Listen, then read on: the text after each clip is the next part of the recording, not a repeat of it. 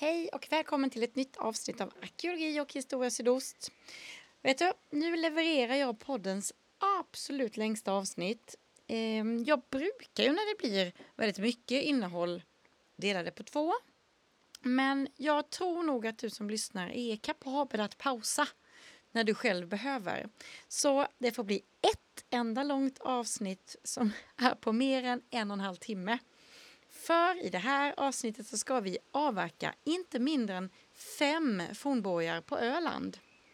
Vi kommer att besöka Båbyborg, Tribergaborg, Sandbyborg, Gråborg och Ismantorp. Och detta gör vi tillsammans med ölänningen och universitetslektor Ludvig Papmelde Faj. Ehm, låt mig inte ta mer av din tid nu utan jag säger kort och gott det här avsnittet det produceras med bidrag från Länsstyrelsen i Kalmar län. Så nu blir det borgar för hela slanten.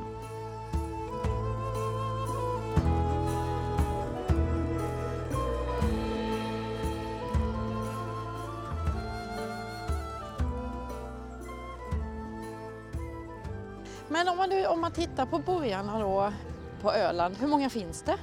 Ja, alltså det, det är så fånigt att arkeologer inte kan ge ett ordentligt svar på det.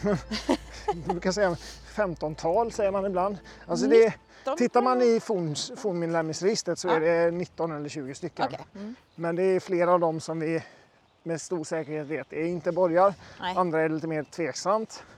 Sen är det några av dem som brukar uppfattas som borgar som man kan fundera lite över faktiskt. Mm. Och, och det, det går ju tillbaks till en annan komplicerad fråga. Vad är en borg egentligen? Precis, och det var min nästa fråga. Vad Ja, är en borg? Och det känner jag ibland att vi kanske har glömt av att vi kanske behöver fundera över.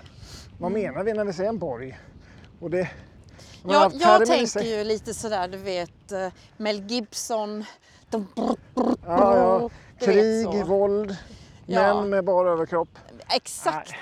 Vita Nej, men alltså, man, borg i sig, en fornborg i sig det har ju någon sorts implicit förståelse av att det handlar om eh, liksom, konfliktsituationer och försvar på Ja, något sätt. ja. Eh, Förskansning liksom så. Eh, så när vi börjar prata om att borgarna kan användas i, i rituella sammanhang då kan man fundera över, är det, ska vi kalla dem för borg då? Om det nu är liksom en samlingsplats så kanske inte alls i första hand en försvarsborg.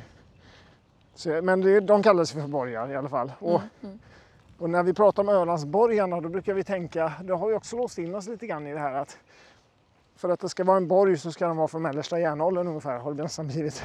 Så att när det visar sig att den där är nog från vikingatid, det är något annat, ja. då är det inte en borg. Nej. Ja, men, så, ja, jag tror att vi har, vi har lite problem med definitionen där tror jag. Vi måste nog jobba lite på det. Ja. Så att, eh, ja, nej men i alla fall. Om vi tänker oss att borgarna på Öland, när vi pratar om borgar så pratar vi om, om de här eh, byggnadsverken med murar och bebyggelse innanför i många fall från mellersta järnåldern ursprungligen. Eller kanske lite tidigare i vissa fall. Så handlar det om åtminstone 15 borgar, kanske 16. Mm. Och sen har det nog funnits ett par till åtminstone. Så kanske 17-18 borgar till, från början. Och att det finns, fin, finns det fler här än, än på fastlandet Nej, och så? det, alltså, det kan man inte För riktigt det säga. men- känns som att man hör mycket mer om de Ja, här. ja, men det är väl att de öländska borgarna är så speciella liksom, och sticker ut. För att det finns över tusen borgar längs med Sveriges kust. Liksom, finns, jag tror det finns 80, 70, 80 borgar på Gotland. Liksom.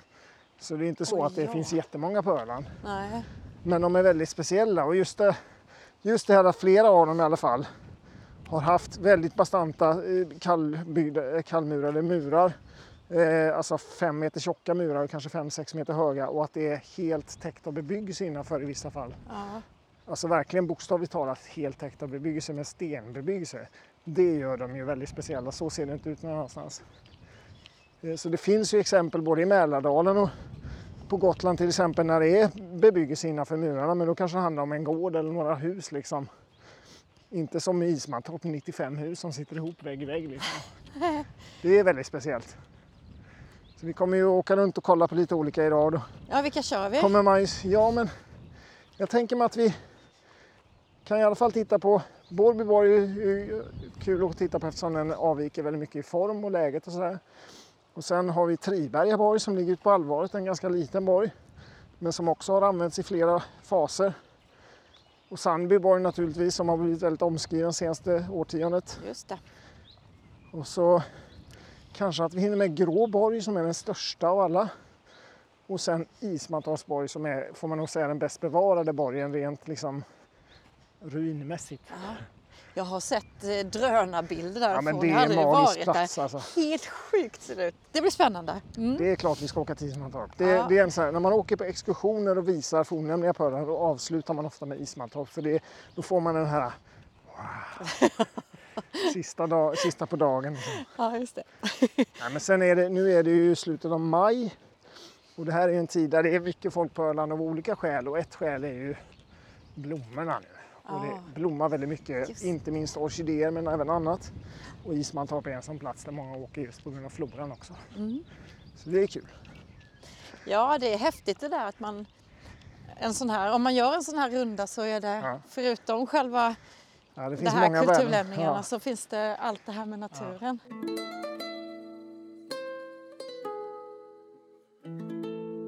Ja, men vi står på sydvästra Öland och vi har eh, Mörbylånga lite snett norr om oss här nu. Eh, eller nedanför oss här. Och vi är uppe på den här som kallas för Västra Landborgen som är den här långsträckta höjdryggen kan man ju nästan kalla det för. Det kallas för berget på Öland. Det Berget. finns inte så mycket berg. eh, men den här Västra Landborgen är ju en, en eh, erosionsbrant. En, eh, Ölands berggrund tippar ju lite österut. Eh, Så att från den här höjdryggen som vi står på nu så lutar det sakta, sakta, eller svagt, svagt österut Mm. och mynnar ut i vattnet på östra sidan. Men nedanför, till väster om oss här har vi en ganska brant kant och nedanför där har vi bördiga åkrar som kallas för Mörbylångadalen och sen är det kust, Kalmarsund här innanför. Då. Så uppe på den här landborgsbranten går ju landsvägen idag och det ligger mycket, jättemycket gravfält här uppe. Och så här. här ligger även flera och många gårdar från både historisk tid och förhistorisk tid. Ja, det är en bra plats. Det är ju väldigt Ja. torrt och Och- högt. Och... Och Borby borg ligger ju då precis, det, det är en ganska, det är ju rätt så stor borg egentligen, som en hästskoformad stenbemängd vall som går från, ja, som, som liksom ansluter till den här branten då. Mm. Eh, och innanför den är det, det är en liten höjd liksom precis innan den här branten så det, vi ser faktiskt inte marken vid branten även om vi precis har gått in i borgen nu. Och sen så är det ju bara gräs här innanför idag. Man ser ganska tydligt, om man är van vid att titta på landskap och sånt så ser man att här finns det lite väldigt raka linjer som går tvärs genom borgen som man förmodar är den som ju är från senare tiders odling då. Ja. Det är faktiskt en, en skiftesmur som går rakt över vallen här. Som man har plöjt ja, det i är så- det. Tänk att det är så många lager Ja. på ett ställe. Så är det. Men öppningen är mot, eh, mot Kalmarsund Ja, och precis. fastlandet så att säga. Och idag är ju den här branten väldigt skogbeklädd så det är en massa träd här nu. Men tänker man bort de träden så har man ju otrolig maffig utsikt. Vi går egentligen Vi- bort till kanten Ja, vi gör det.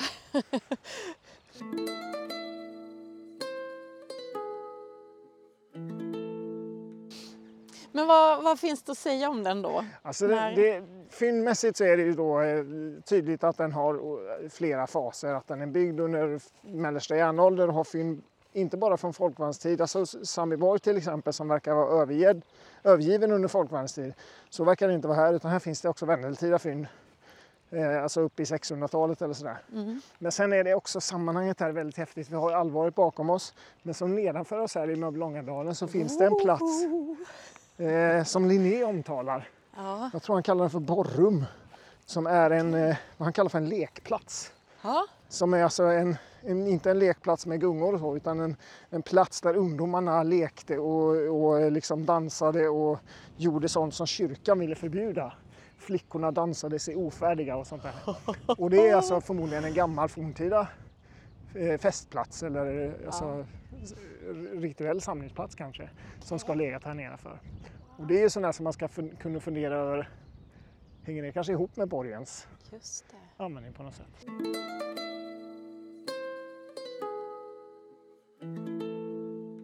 Men det här, är detta unikt? Alltså för här har de ju då ingen, ingen borgvägg eller vad det heter. Det ju... Och så stupar det ner för här har ingen kunnat komma upp då. Man, man kan få först, det här är unikt på det sättet, så här ser ingen av de andra borgarna ut. Det här är Nej. den enda som ser ut så här.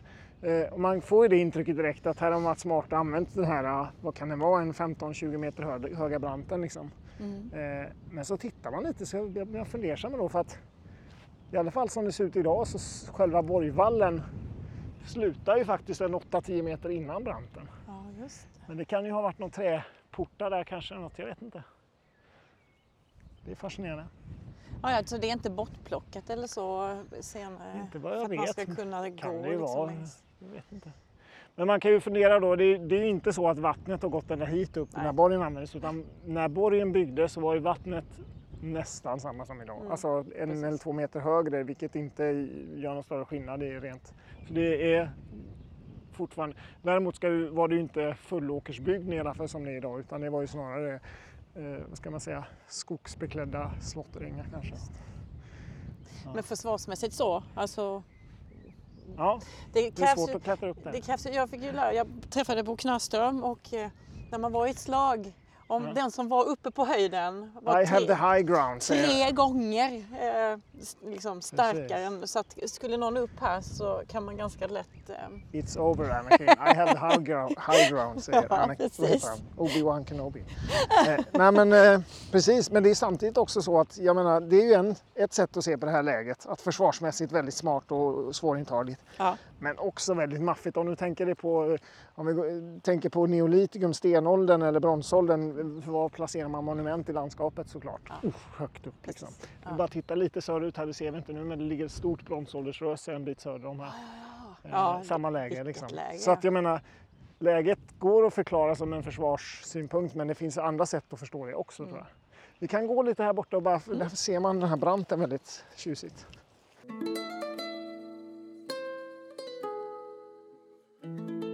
Tänk att, nej, att, det, att det ser ut så här, att det går ut för det ser Ja. nästan ut som att det vore byggt. Ja. Ja, här får man nästan känslan av att det är murat. Det är nästan som en teaterscen här nere. Ska se.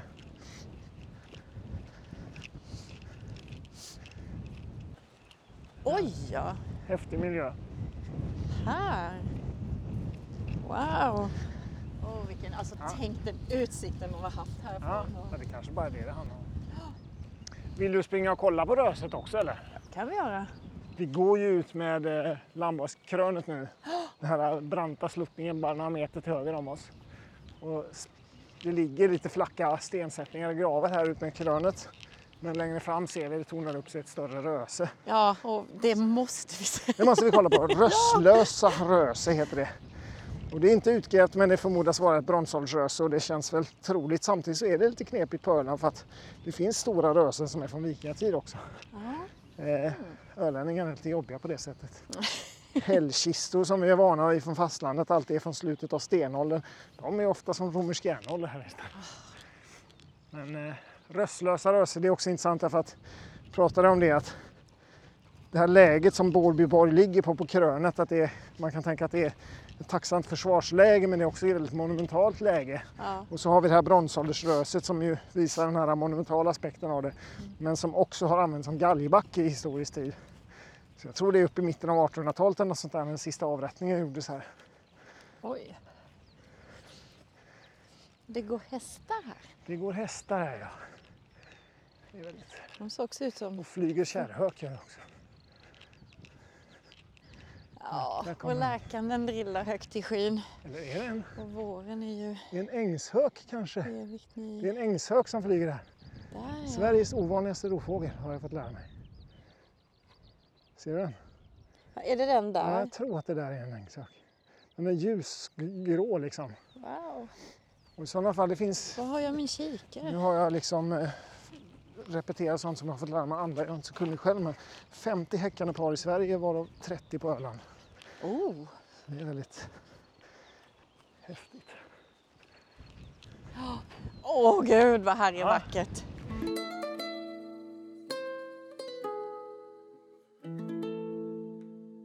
Röset, vi röse. röse.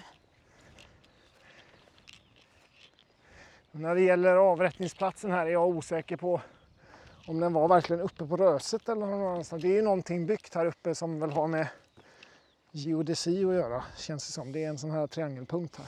Ja, just det. Och det är murad kistkonstruktion med cement och grejer uppe på röset. Mm. Och här har de haft små marschaller. Men läget är inte fel. Du, här hamnade vi ett par meter till upp. Ja, det är så här att när det bråkas ibland om vad som är Ölands högsta punkt. Brukar ibland folk säga att det är Rösslösa röse som är Ölands högsta punkt. Ja. 58 meter över havet. Men då säger de uppe i Högström att men det är ju en artificiell höjd, det går ju inte att räkna. Det är fusk. Så det är Högström som har den högsta naturliga punkten. Och det stämmer nog. Men vi är förhållandevis högt upp i alla fall. Ja men det är kul, det är faktiskt lite för sällan som man, när man är vid Bålbyborg så är det Mm. jag brukar alltid tänka att man vill gå hit men det tar ju några minuter extra. Liksom. Det är en väldigt häftig plats.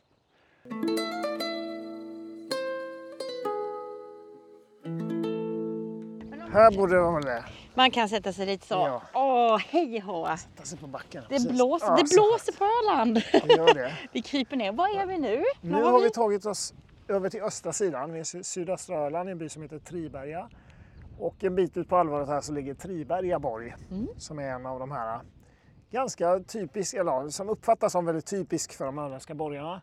Eh, Men som inte, alltså Eketorps borg har ju kommit att blivit väldigt känd för att den grävdes ut helt och hållet på 60 och 70-talet och sen har Eketorps borg också delvis återuppbyggts på plats. Så det är ju ett väldigt tacksamt visualiseringsobjekt om man tänker sig att man vill visa hur de öländska borgarna kan ha tätt sig så är, brukar Eketorp alltid få stå som mall på gott och ont lite grann sådär. Det är väldigt tacksamt men samtidigt så blir det ju lätt att man tänker sig att så såg alla borgarna ut. Triberga borg är inte superlångt där, alltså det är ganska förhållandevis inte så långt bort och den är väldigt snarlik Eketorp så som Eketorp såg ut innan den grävdes ut. Det är en ganska cirkelrund vall eller mur som är väl en 4-5 meter tjock kanske. Eh, En- en- en- Det är det Ja, vi ser framför vi oss här. sitter ju i en det, det port måste nu. vara mer än fyra, fem. Ja, just här vid porten är det nog Ja. mer. Men, och det är rätt rejäla stenar här också. Så att här är, ser man ju, den här porten är ju då framröjd, eller framgrävd kan man säga. Och eh, den är väl en 3-4 meter bred den här öppningen. Och eh, anlagd direkt på kalkberggrunden ser man. Så vi är ju på allvaret där det är väldigt tunt jordtäcke. Så det är en ring, cirkelformad ringmur. Och sen finns det utanför den en lite flackare vall som ligger en 5-6 meter eller 10 meter kanske utanför den borgmuren så finns det som ser ut som en yttre vall. Liksom. Och så ser det också ut på Ekedalsborg. Okej. Eh, Och det tror jag, där har man kunnat visa i alla fall att det är en medeltida tillbygge så att säga. Eh, Så går det runt hela eller bara? Ja, det går runt hela som en ring. Men vad, har de Ja. haft någon palissad? Jag det, vet eller inte vad? riktigt, det är oklart för mig riktigt vad det där är. För det är det, det, men det är med jord Det är, eller? det är eller en så? stenvall kan man säga, Stenvall. jordtäckt stenvall. Okej. Men i alla fall så det är så, Eketorps borg kunde man ju visa när man grävde där att den har flera faser, egentligen är det tre borgar på en plats. Mm. Så den byggdes på 300-talet och då var den lite mindre än så som vi ser den idag och sen redan på 400-talet så byggdes den om med en större mur och fler hus. Eh, och då såg den ut ungefär som man tänker sig att Sandviborg har sett ut också med de här radiella husen mot muren och så. Mm. Och sen efter kanske 500 år när den var förfallen och sådär så byggde man upp den återigen. Man använde samma ringmur som på 400-talet men med helt ny bebyggelse då. Så det är Eketorp 1, 2 och 3 brukar man prata om i Eketorp. Mm. Där alltså den sista fasen då är 1100-tal eller så. Och Triberga, Borby som vi besökte för, eh, tidigare. Mm. Eh, Borby är ju också en sån borg som har uppenbarligen byggts och använts under järnålder, 300-400-talet så. Och används i 500-talet men som också har använts under 1100-talet, 1200-talet. Mm. Och Triberga borg lika så då. Så att här gjordes det utgrävningar på början av 2000-talet eller runt 2000 någon gång där.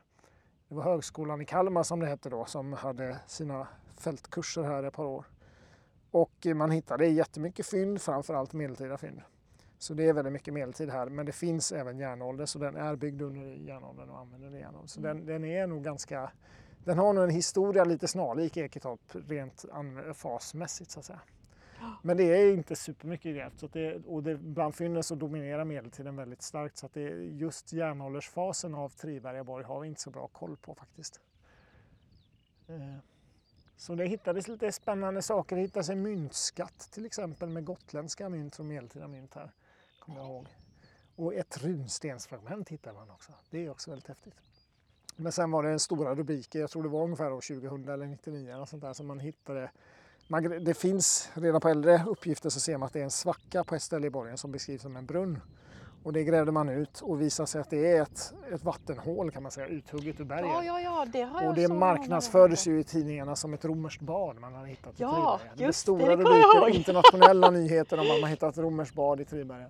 Men det är inget romerskt bad, men det är ett väldigt tjusigt vattenhål som vi kan gå och titta på sen. Mm. Och i det vattenhålet, eller i sedimenten där, så hittade man väldigt mycket organiskt material. Så det var ju både Är, alltså, är, den, är det att de har kunnat ta vatten? Är det just att, att det har funnits sötvatten? Eller? Ja, det är nog, eh, jag vet inte om Alltså det är ett källflöde eller om det bara är att det kommer grundvatten det vet jag faktiskt inte. Ah, ja, ja. Men det, det var blött fortfarande. När man, det, har, det var så pass blött att det har bevarats eh, medeltida i alla fall, organiskt material. Ah, ja.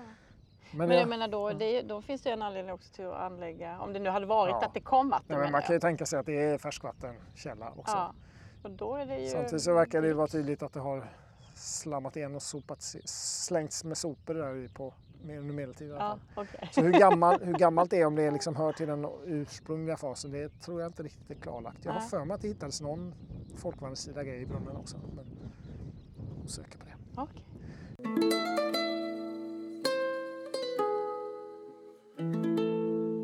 Vi har ju ett stort nytt borgprojekt som jag kommer att prata om mer sen. Ja, men I det här nya stora borgprojektet som vi har så, så handlar det mycket om att ta fram mer kunskap om alla borgarna. Liksom. Så att vi var faktiskt här för två veckor sedan bara och körde markradar inne i Friberga. Oh, Det var nätt och jämnt att den kom in här genom porten faktiskt. Det är en sån här som en fyrhjuling som man har eh, släpgrej där bak och kör runt med. nej vad Eh, coolt! Så det har vi gjort här nu och får vi se. Jag har bara sett den absoluta rådatan här men när den bearbetas sen, det verkar som att vi kan se en del husgrunder och så i alla fall.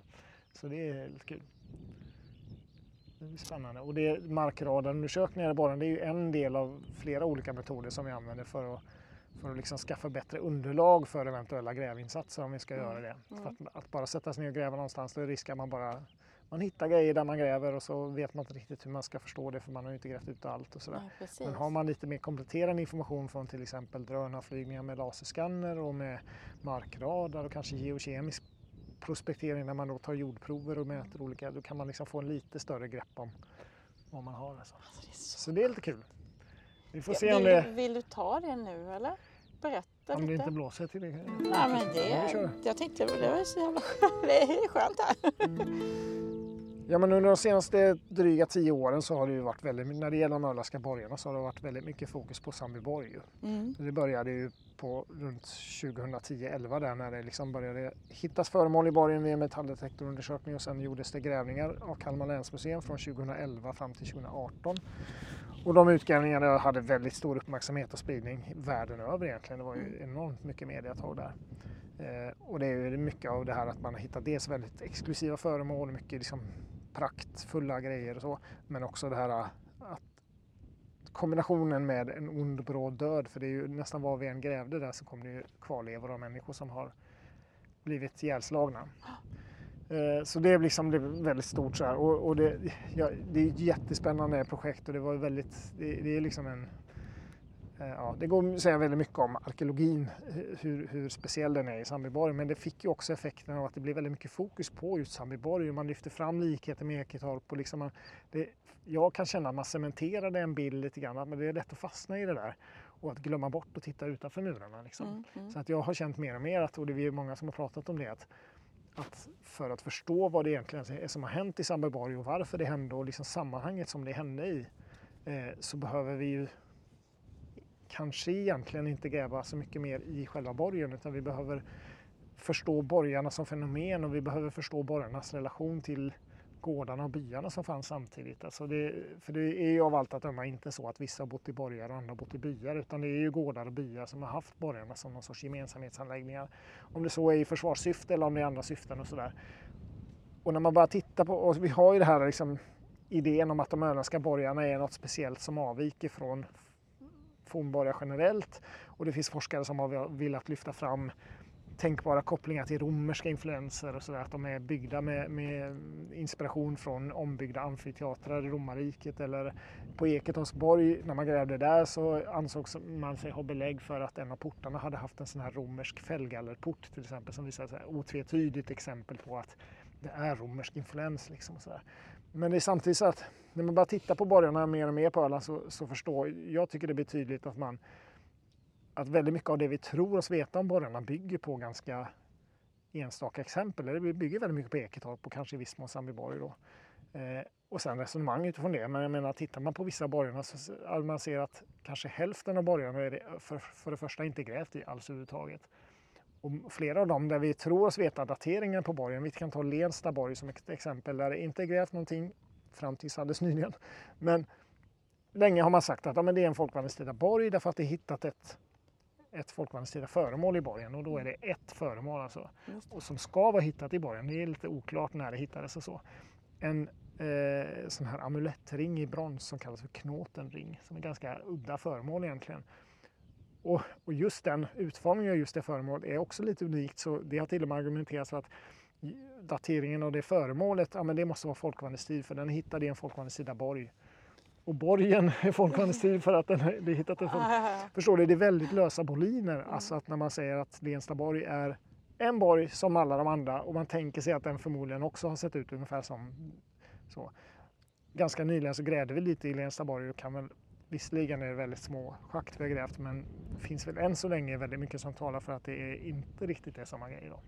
Men hur som helst, vi har länge tänkt att vi behöver ta ett större grepp om borgarna på öarna generellt och försöka sätta in dem i större sammanhang. Så under flera års tid så har vi sökt forskningsmedel för att kunna göra en sån sak. Istället, kanske inte då i första hand gräva mer i Sandbyborg utan ja, ta ett större grepp om borgarna eh, och järnåldern, mellersta järnåldern på Öland. För det är också så att massakern i Sandbyborg verkar ha skett runt 500 där någonstans, eller kanske plus minus några årtionden. Och det är ju en väldigt intressant tid, på många sätt turbulent tid. Det är liksom oroligheter i Europa efter romarrikets fall, men det är också så att det är Går vi in några årtionden på 500-talet så har vi tydliga belägg för stora klimatkatastrofer på 530-talet som får sådana ödesdigra konsekvenser. Vi har pestpandemier och liksom, det är liksom, och det här är ju, det, det här är ju liksom eh, begrepp som vi känner igen från idag egentligen. Och konflikter, klimatkriser och sjukdomar. Liksom. Det, mm. det, är allt för bekant ja, för oss. Så det är lite märkligt på det sättet och det är samtidigt så att om vi då ska försöka förstå varför borgarna tillkommer under den här tiden eller århundraden innan där så kanske man måste ta ett helhetsgrepp över samhällets mm. hur, hur reagerar samhället på den här typen av kriser liksom. Så att eh, vi har formulerat ett, en projektidé eller ett projektprogram då som handlar om att studera just kriser, klimatkatastrofer och konflikter med utgångspunkt i de öländska borgarna. Då. Så vi har sökt pengar i flera års tid då för, från Riksbankens jubileumsfond och nu har vi äntligen fått ett jättestort anslag då för att under åtta års tid jobba med det här som börjar då för, i 2023. Så att från och med i år och fram till och med år 2030 wow. så är vi ett, ett stort forskningsprojekt som heter Kris, konflikt och klimat. heter det samhällsförändring i Skandinavien 300 till 700. Och sånt där heter det. Och det är ett stort forskningsprogram som leds av Stockholms universitet med Kerstin Lidén som projektledare. Och sen är det då dels forskare från Stockholm och dels från Kalmar länsmuseum och så jag från Linnéuniversitetet som är med i det här. Så det är ju kanske kan man säga delvis sprunget ur Sandbyborgsprojektet men en ambition att ta ett större grepp nu. Så nu kommer det att göras en hel del, alltså vi kommer ju kunna göra väldigt mycket på flera av de andra borgarna. Då. Det kommer mm. inte vara så att vi gräver ut alla borgarna som en del föreställer sig. Men eh, vi kommer i alla fall att kunna veta väldigt mycket mer om borgarna förmodligen efter det här. Magkänsla redan nu är att vi kanske kommer att få se en ganska tydligt större variation och heterogenitet än vad man ja. normalt sett ser. Så det vi har gjort hittills i år det är liksom att börja samla in data från de här platserna. Då. Vi har gjort man, äh, vad heter det, drönarflygningar med laserskanner för att ta detaljerade ortofoton och sånt och sen också markradarundersökningar har vi börjat göra. Mm. Eh, planen kommer ni göra det på alla? Eller? Det, den typen av grejer kommer vi i möjligaste mån att göra på alla. Det finns oh, vissa begränsningar. Spännande. Just den här markradartekniken som vi använder här den är rätt beroende av att marken är hyfsat platt. Mm, okay. Och det är ju inte alltid fallet. Nej, nej. eh, så att det, men det finns andra saker man kan göra. Så, så att vi, vi kommer göra så mycket som möjligt av prospekteringsundersökningar i så många borgar som möjligt. Mm. Planen är sen att från 2024 och framåt så ska vi utföra utgrävningar i flera av borgarna. Eh, under sex års tid ska vi gräva. Alltså inte hela året utan bara våra fältkurser som är i maj respektive september-oktober mm. kommer vi ha smågrävningar då.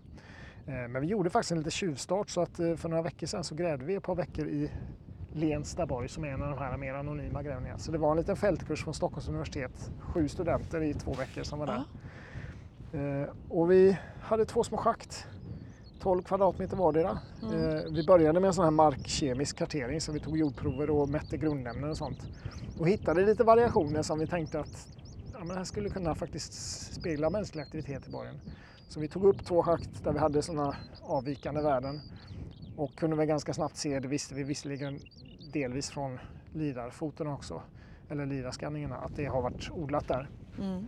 Eh, så att det var ju odlingslager med sentida skräp och det var ju nästan det enda vi hittade faktiskt. Nej. Vi hittade en härd, en eldstad, Okej. som är äldre och som, där det kommer lite brända ben och sånt. Och det är vårt hopp just nu att vi ska kunna få en datering av den här i alla fall. Men av det lilla vi har grävt i Lenslaborg så är det tydligt att det ser absolut inte ut som... Alltså det, det är klart att vi skulle kunna rent teoretiskt ha råkat träffa en punkt där det liksom inte, just där fanns det ingenting.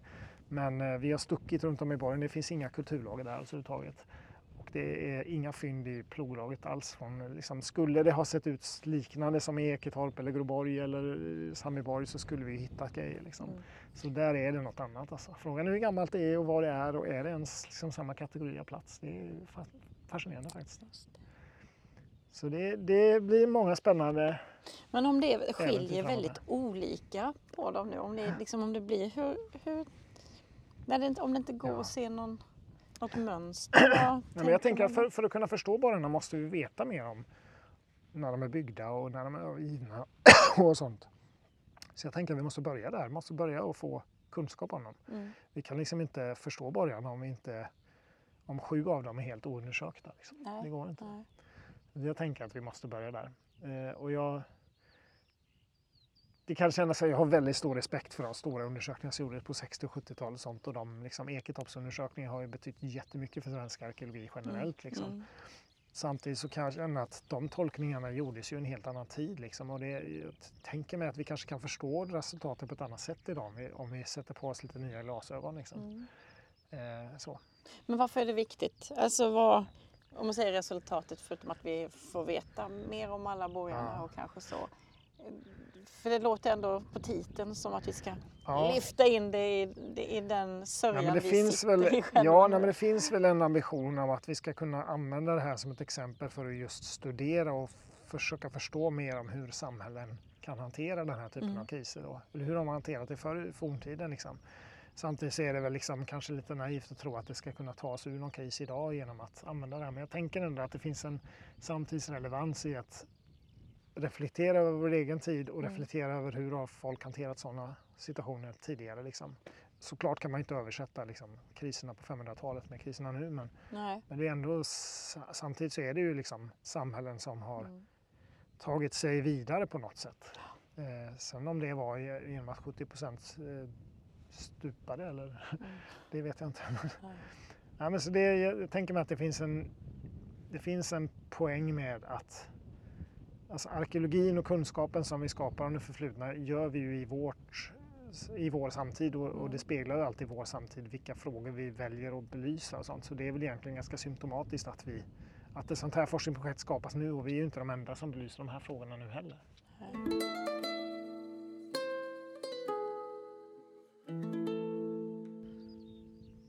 Ja, ska vi kika lite i Tribberg? Ja,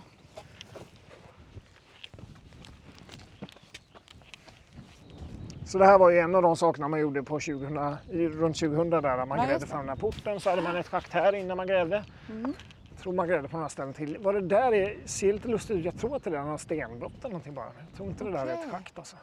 Men här har vi det här vattenhålet i alla fall. Det är en ganska liten pocket size borg det här. Den är inte pytte- pytteliten, det är inte den absolut minsta men den är ju mindre än genomsnittet tror jag. Ganska nedfallen mur sådär, inte så kraftig grav men man ser att den har, det är ju en ordentlig borg liksom. Så här är ganska stort uthugget ur berget, ett stort hål liksom. Stort fyrkantigt hål nästan. Mm. Det står vatten här idag i botten. Och det har väl använts som vattenhål uppe i historisk tid tror jag för djur och så. ja, ja, ja.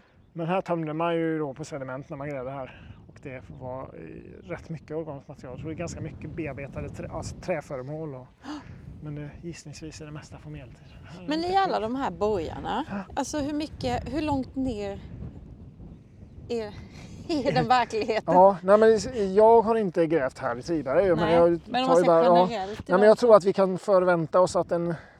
Nu är det ju medeltida lämning här med, med reservation för det. Men annars som i Sandbyborg till exempel om vi står på gräset där. Mm. Så är det 30 centimeter ungefär ner till mark, alltså golvnivån i husen. Så det är ju inte särskilt mycket Nej. på. Liksom. Så det ligger under våra fötter här. Och det är ju, vi ser ju här att vi har en begränsning här att berggrunden kommer ju inte särskilt, alltså när vi satt i porten där så satt vi ju på, på berggrunden Ja, så det, det. kan ju inte vara särskilt mycket mer än Nej, en halv meter kanske. Åh, vad häftigt. Jag kan spana på ett ställe här borta har man ju lyckats hitta en, vad som antagligen är, för det är så att Friberg eftersom det har använts under medeltid också så har det byggts om och byggts till lite grann kanske. Men här verkar det vara en, en originalport som är igensatt då. Ja, ja, ja. Eh, gissningsvis så är den igensatt under medeltid. Eh, Ja, det Men- syns ju ganska tydligt att Ja, det är... den är blockad den- liksom. Ja, precis.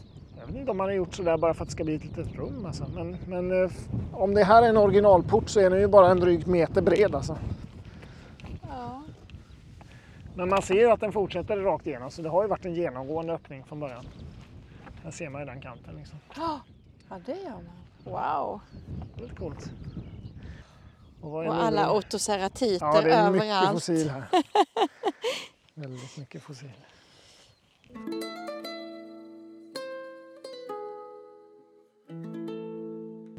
Men som sagt, ingen jätteborg.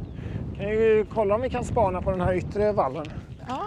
Men sen är det ju häftigt eh, med lämningar runt om borgen här. För här just i Triberga borg så finns det väldigt välbevarade exempel på vägsträckningar som tas ifrån Triberga borg och, och västerut. ja. Så det finns dels den här Häradsvägen som vi tittar på som går härifrån över till Resmo i princip. Men sen finns det ju härifrån också en massa hålvägar som går parallellt med andra stråk av hålvägar liksom, som sträcker sig tvärsar allvaret och kommer ut vid Stora Dalby i Kastlösa på andra sidan. Sju kilometer bort och passerar då Tingsta Flisor som är ett gravfält med 70 gravar ungefär som ligger mitt ute på allvaret med väldigt bastanta kalkstensflisor, två stycken som står så här i vinkel mot varandra och som är redan på 1300-talet så omnämns det som tingsplats. Så att det finns då vägar från Triberga borg som passerar den här tingsplatsen och över till en järnåldersby på västra sidan. Det är väldigt häftigt. Wow. Hur tolkar, to- någon tolkning på det eller? Nej, men jag tänker mig att den här Tingsta Fliser blir ju väldigt tydligt att det är en central mötesplats liksom mitt ute på allvaret. Där byar från västra sidan och östra sidan har mötts liksom. Och det Mm. finns vägar därifrån. Mm. Här ser man ju tydligt eh, yttre Där ser man Ja, den. där är den här vallen ja. Den är rätt långt borta ju. Ja alltså här har den- vi yttre murlivet ju precis här. Där är det ja. Så det ser man där också. Och då ja. kan man kolla hur tjock den är ungefär. En, två, tre. Ja men tre, fyra meter tjock är den med någonting. Och härifrån till den yttre vallen är det väl en 10 meter, tror du inte det? En, två. Ja, något sånt. 10-12 meter kanske. Den är ganska... Den är ju tydlig liksom. Men jag vet inte fasen vad det är egentligen. Det, jag måste nog åter, återgå till eh, publikationerna från Eketorp och se vad de, om de undersökte den vallen. Jag är Ja. säker på det. Alltså jag är ju helt okunnig och sånt här men om man skulle tänka sig att man bygger någonting som inte har varit högt så kanske det mest har varit för att kunna sätta en En träpalisad. Jag tänker också det att det kan ha varit Att ett plank haft- liksom. Ja, de har haft en extra... Kanske som något extra skydd eller. Ja, Jag tror i de medeltida faserna, dels i Gråborg men också tror jag i Eketorp så har man kunnat påvisa vissa aktiviteter utanför borgen också som smidig och sånt. just det. Och om det alltid blåser på det här förbaskade viset Ja, på. Öland så gjorde det då, då med och då ska man, ska man kunna jobba då och hålla Ja. på och då kanske det faktiskt är så att man... Här fick man nästan känslan av att det var en passage men det kanske inte det var bara sentida. Jag tänkte att det gick som en liten Ja, flack sväng. Ja. Ja, men där är någon sorts öppning i alla fall. Ja, men en grävinsats här kanske vore att undersöka den här yttre muren. Ja, jag säger som jag brukar göra när jag hänger med arkeologer i den här podden att alltså minsta, behöver ni någon hjälp? Bara ring. Ja. Jag, alltså jag, jag har sådana labbat i händer. Jag är jätteduktig på att gräva. Det låter bra. Och bära sten jag har hört att du är bra på. Alltså. Ja, jag är bra på allt sånt. Åh, vad roligt detta är. Ja. Ja, men Friberga borg är en mysig liten sån här Mm. pärla tycker jag.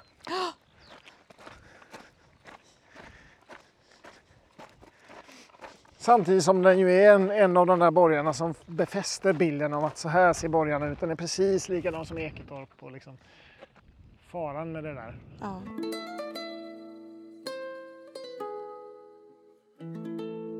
Vi går ju här i sand. Så nu var vi är vi? Nu har vi tagit oss ner till verkligen ner till stranden på östra sidan.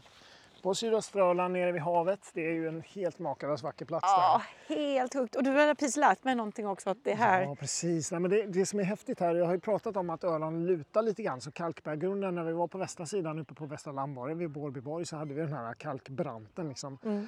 Och sen är berggrunden plan och lutar lite grann så på östra sidan är det ju berggrunden som piper upp till havet här så det är jättelång grund.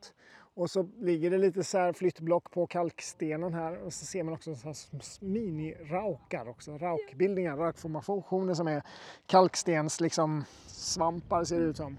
Eh, på Gotland är det ju känt med mycket stora raukar. Det finns raukar på Öland också uppe vid byrån på västra sidan. Men så finns de här bebisraukarna här. Jag brukar Ja. skoja med barn när jag har guidning att raukar de föds här och så när de blir större så simmar de över till, till Gotland och Till där blir de stora. Gotland och där är de stora. Nej men vi är ju vid Sandbyborg. Det var det Ja, jag skulle säga. ja. Och så Och skämskudde på mig. Jag har inte varit här! Stoltkudde på dig, nu har du varit här. Ja, vad underbart. Ja, men Sandbyborg är ju den enda, alltså Ölandsborgarna, Sandbyborg är en ganska typisk Ölandsborg på många sätt kanske.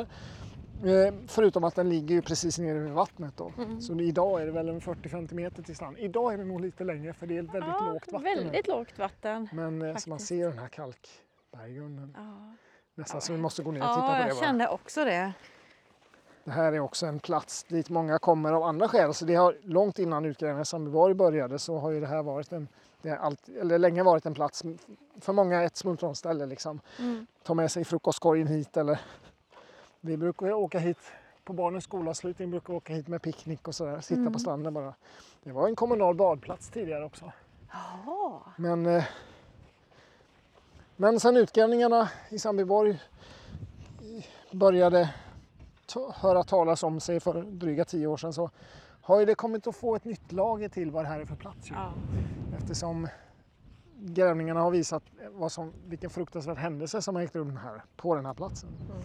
Eh, massakern som har skett här i, för ungefär 1500 år sedan. Den har vi hört talas om Den har vi hört lite. talas om en del. Ja. Ja. Det har pratats mycket om det. Men det är också en ganska spännande grej det tycker jag hur, hur liksom berättelser och minnen om en plats kan förändra hur en plats kan uppfattas. Också det här vilken laddning det kan bli när det är olika värden som, som kolliderar kan man säga. Den här idylliska miljön och, och de här spektakulära föremålsfynden i, i, kontrast till den här oerhört brutala historien. Det är väldigt... Vad har det betytt för platsen när Ja, man... men jag, jag, alltså jag vet ju folk som har blivit ganska bestörta över resultatet från utgrävningarna och liksom känt att de har blivit berövade den här vackra platsen på något sätt. Mm. Men också sådana som har berättat att de känner att de har fått någonting annat istället. Då, för det blir ju ett djup på något sätt. Den här tragiska eller, fruktansvärda massakern Mm. har ju gjort att man liksom börjar fundera väldigt mycket över liksom, att en sån sak kunnat ske och varför och vem och det blir ett mysterium och liksom, det Mm. blir ett annat värde på något sätt. Alltså, det är ju inte bra att det hände men, men jag tänker mig att den typen av berättelser om platser kan ju också tillföra någonting. Mm. Alltså på något sätt någon kontemplation liksom, eller Alltså det, på något sätt, ja för mig får en stark melankoli liksom. Att det, det blir något vackert på något sätt i den här oerhörda hemska tragiken och den här platsens skönhet liksom. Det blir något Ja, i alltså som idag nästan helt stilla. Ja, det blåser Ja. lite men, Ja, men det är perspektiv är det, otroligt vackert här. Alltså det är sådär så att man... ja, i Sandbyborgs perspektiv är det här helt stilla. Ja. Det är också så att kommer man hit i december när det blåser och regnar så är det nästan olidligt att vara här. Det, är liksom en så här, det kan verkligen vara en av de vackraste platserna på jorden men det kan också vara helt, helt fruktansvärt.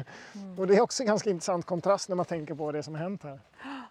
ja, vi får, gå, vi får vi gå upp upp till borgen. så får du berätta mer om...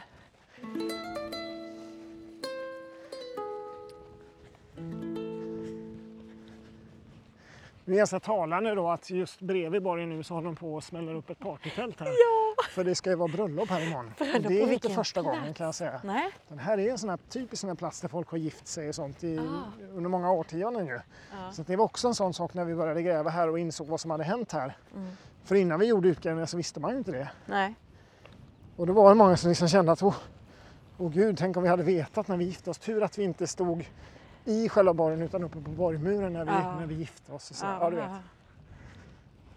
så nu har vi faktiskt passerat en flack vall här. Ja.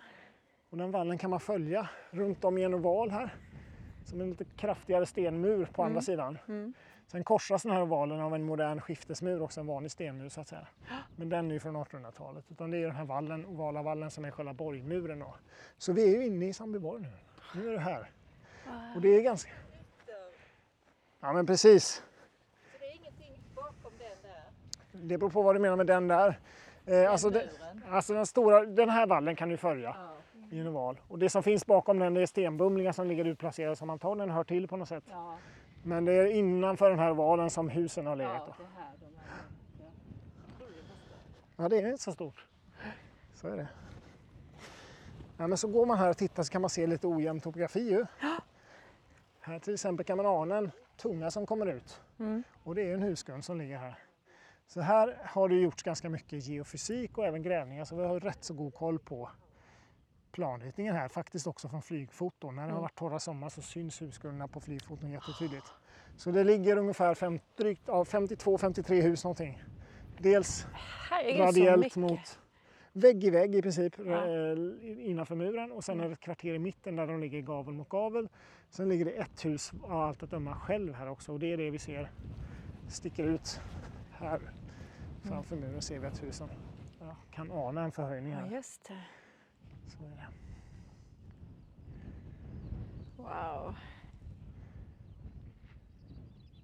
Vi kan ta oss över Stättan och gå in i större delen av borgen. Det är ju det att den här skiftesmuren skapar ju en, en fiktiv uppdelning av ytan som inte alls är relevant egentligen. Här tror jag en telegrafstolpe. Ett stolphål helt enkelt. Ja, precis. Haha, Det är bra. det är bra. Men de här 57, sa du det? 53 hus. 53 hus, är de samtida? Alltså är det det som ja, var så, då? så vitt vi vet. Alltså, Det finns ingen... Alltså det vi vet så här är det. Vi har ju grävt så här från 2011 till 2018 men det är bara 10% av ytan som är grävd. Mm. Och tre hus är helt och hållet grävda. Så det är, i princip är det 50 hus som inte är grävda. Då. Ja. Men det är ju grävt lite små duttar här var också så vi har ju lite kunskap om några fler än bara de här tre husen. Men det är tre hus som är undersökta. Men vad vi har kunnat se så finns det inga tecken på att hus överlappar varandra så det verkar vara en ganska kort användningstid. Inte som i Eketorp att vi kan se flera faser på varandra och sånt. I alla fall inte vad vi har sett hittills. Så att fynden är ju framförallt från 400-talet och möjligtvis precis in i början av 500-talet. Kod 14-dateringen av människokroppar är också ligger där. Liksom. Mm. Så massakern har skett någon gång runt 500 plus minus några årtionden. Eh, men sen är det lite så här att, för då har ju länge varit bilden av att det har skett en fruktansvärd massaker här och efter det har platsen övergivits och kropparna ligger kvar där de påträffades, eller där de föll så att säga. Mm. Eh, och eh, sen har ingen gjort något. Men sen har det bara dykt upp enskilda föremål som stilmässigt är yngre. Bara inte mycket men någon enstaka, något dräktspänne, någon förgylld sköldnit från vändeltider. Så jag bara, hmm, 100 år, kanske 150 år efter massakern. Mm. Och även utanför borgen hittades vid metallarteten ett, ett eh, förgyllt bronshänge från vikingatid. Okej. Och då blir man så här, men vad är det som har hänt här egentligen? Så vi har väldigt lite kunskap om det faktiskt. Och 2018, den sista gången det grävdes här hittills, det var 2018 på hösten så hade jag en seminargrävning med studenter utanför muren här precis. Mm. Just för att kolla lite grann, för det var ett av schakten placerades där det där hänget hade hittats då. Mm. Och då kunde vi se att direkt under grästormen så var det lite eldstäder och stolphål och några lite järnnitar och grejer och djurben och sånt. Så aktiviteter liksom. Mm. Och sen kom det grus och tänkte jag det var liksom bara tunt, tunt sådär. Men så kollade vi det där gruset och kände vad luckert det var. Liksom, det kom ben i det också. Så där. Tills vi insåg att det var ju 70 centimeter gruslager som var påfört. Ju. Så under det var det också någon eldstad och lite sådär. Okej. Och då tänkte jag, fasen, man- och i alla tre schakten hade vi det där tjocka gruslag, kalkstensgrus liksom, som var uppenbarligen inte naturligt utan ditkört. Då. Mm. Och då tänkte jag, så, här, men kan det vara så att man har i samband med att borgen byggs, så man kanske har modellerat marken och kanske dränerat eller inte vet jag. Tänkte, det måste ju ha med borgbygget att göra det här gruset. Mm. Och kan jag då datera eldstäder ovanpå gruset och de under, då har jag ju liksom Mm. borgbygget. Vad, vad fint så här. Och härden under gruset blir vändeltid. Mm. Det vill säga 100 år, 150 år efter massakern. Och härden ovanpå blir vikingatid, senvikingatid. Så gruset, alltså utanför borgen så har det kommit till enorma mängder grusmassor 100 år senare än massakern kanske, eller 150 år senare. Så då är det så att det har hänt massa grejer här efter massakern också. Men vad vet vi inte riktigt. Men någonting som dels har utsatt, avsatt ett jättetjockt gruslager men också föremål som förgyllda dräktspännen och förgyllda sköldnitar. Så mystiska grejer. Så det är spännande. Men vad, vad nu är- kommer händelserna i förväg lite kanske. Ja, men vad har, alltså, vad har sagts om platsen? Alltså finns det någon sån här att det, att det går myter eller att de pratar, alltså att det har pratats om det innan, innan Ja, alltså det- grävningarna? Alltså är det något sånt här där nere eller? Nej, alltså gre- grejen är att innan vi påbörjade grävningen så var det ingen som liksom anade att det skulle finnas skelett. Det är liksom inga berättelser om fynd av kvarlevor eller så vad vi har sett i alla fall. Eh, däremot så när vi har grävt här så är det många som kommer ut och berättat att ja, men jag fick alltid höra som liten att det här var en plats man skulle undvika och så här. Att det är Ja, farligt och så. Ja, Det finns ganska många enskilda sådana berättelser men Mm. inget som är nedskrivet någonstans. Och inget heller som vi har liksom kunnat belägga att det är konsekvent. För att vi har också hört många som berättat att Nej, men jag är uppvuxen här, det har jag aldrig hört något, något om. Så att det är Nej. lite svårtolkat det där.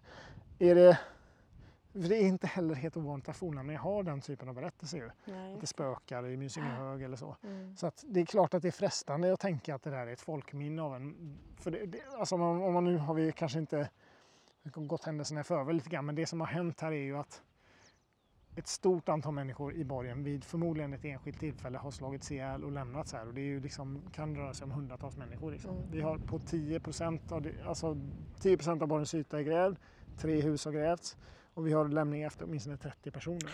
Herregud! Så i, vi står nu faktiskt i ett hus som heter hus 40. Mm. Som, ja, man kan ana en vägglinje där. Mm. Så har vi gaven där och en annan vägglinje bakom dig där. Och så har vi gaven ungefär mot gatan ut eh, där, där det sluttar ner lite grann. Mm. Så det är 12 gånger 6 meter stort, ungefär 12-13 meter långt och 6 meter brett. Och i det här huset hittades sex hela kroppar och delar av ytterligare tre personer. Så bara i detta huset är det sex människor minst som har mördats.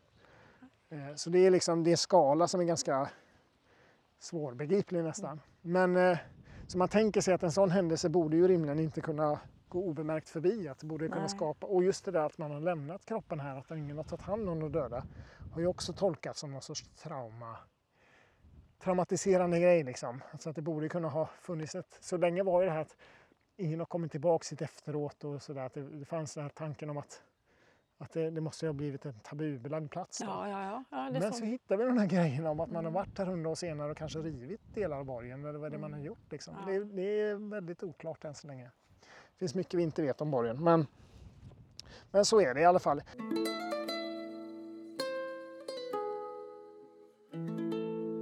Om man ska bara kort återknyta till vad det var som, hur det började här så var det ju så att det gjordes en markradarundersökning här eh, av en kille som heter Andreas Wiberg 2010. Mm. Och det var för att på 70-talet fanns, hade man tagit flygbilder över borgen och såg då att husgrunderna syntes väldigt tydligt. Så man visste att det fanns husgrunder här. Och i princip kan man säga att han ville testa om hur väl de syntes i markradarna. Mm. Så han hade det här som ett case i sin avhandling som han gjorde vid Stockholms universitet. Eh, och jag kände honom- sedan tidigare. Jag var med och tillsammans med en till kille som heter Nybjörn så var vi här och flyttade måttband och grejerna Andreas mätte 2010 på våren. Och då noterade vi att på två, tre ställen så var det någon som hade grävt gropar i borgen. Så. Det, var, ja, det var lite oklart. Det var en liten grop och så var det en jordhög en bit bredvid. Och vi tänkte, är det antingen är det någon djur eller så eller så är det någon plundringsgrop. Liksom. Ja. Eh, Så att vi anmälde det till Länsstyrelsen misstänkt metalldetektorplundring. Och Länsstyrelsen eh, tog då beslut om att hela borgen skulle sökas av i vad ska man säga, förebyggande syfte eller Mm. se om det fanns något kvar i princip. Så två andra arkeologer, Henke Fallgren och Mats Blomé som hade ett forskningsprojekt på Öland då, där de sökte av andra platser med metalldetektor. Mm. De fick i uppdrag av Länsstyrelsen att, att söka av Sandbyborg när de ändå var i farten så att säga. Mm. Eh, och man tänkte sig att någonting kanske vi kan hitta. Eh, så de var här en ganska taskig, regnig dag, tror jag det var i augusti eller sånt där. Och nästan med en gång så hittade de ett, ett, vad de uppfattar som ett depåfynd med ett reliefspänne och ett annat dräktspänne. Alltså stort sil- förgyllt silverspänne med alltså så här riktig praktfynd. Liksom. Oops. Så då la de eller, lite så här, nej, vi får komma tillbaka med lite bättre förhållanden. Så ett par veckor senare kom de tillbaka och skulle söka av resten av borgen och hittade då fyra depåer till med den här typen av föremål i. Mm. Så fem depåer med stora silver, förgyllda silverspännen av den typen som vi kallar för reliefspännen som är typ slutet av 400-talet, runt 500. och massa andra föremål som fingerringar i guld och silver och pärlor i glas. Och, och, alltså det, var, det var verkligen så här tokpraktfynd verkligen. Och förutom de där depåerna så hittade de ju ett sjätte halvt reliefspänne löst i matjorden också på ett ställe. Så det var liksom så här, herregud vad är det här för plats? Det hade man inte. Det, det blev en sån riktig så här trilla Mm. baklängesfynd och, och folk fick väl hi- skrämselhicka och tänkte att jösses om det där är sånt som ligger ute i markerna vad har plundrarna hittat redan och sådär. Du vet, det, det blev helt så här panik nästan. Eh, Så året därpå så fick Länsmuseet i uppdrag av Länsstyrelsen att göra en liten efterundersökning för de där depåerna plockades upp i all hast i princip. Ja, ja. Så vi visste ju egentligen ingenting om var, varför ligger de där. Liksom. Men man kunde se att de verkar ligga i, för vi hade ju redan då markradarresultaten och flygfoto så vi hade en idé om planritningen av borgen och det såg ut som att de här depåerna nog ligger i hus i det här centralkvarteret. Då. Eh, undan, alltså det såg ut som att de låg i änden på varsitt hus. Liksom. Så 2011 togs det upp tre små schakt på tre av de här depåfyndsplatserna. Då. Mm. Eh, bara två dagar något begärde man här. Liksom. Jag var pappaledig då så jag var inte med men jag var här och kollade lite grann. Eh, och eh, ja, man kunde se att de här depåfynden var undangömda, så att säga smyckesamlingarna, smyckegömmorna som de kommer att kallas. Mm. De, I flera fall verkar de vara göm- gömda liksom, innanför dörren till höger i hörnet. Liksom. Så i det huset vi står där var en av de finaste smyckegömmorna innanför dörren till höger under en sten. Så det var liksom undanstoppat så här. Eh, och det var ju fine, men sen var det så att i alla tre de här schakten så hittade man dessutom mänskliga kvarlevor.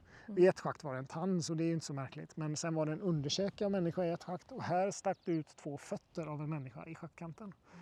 Och det var ju inte begravda nedgrävda kroppar utan här li- ligger det uppenbarligen ett skelett på golvet förstod man ju då.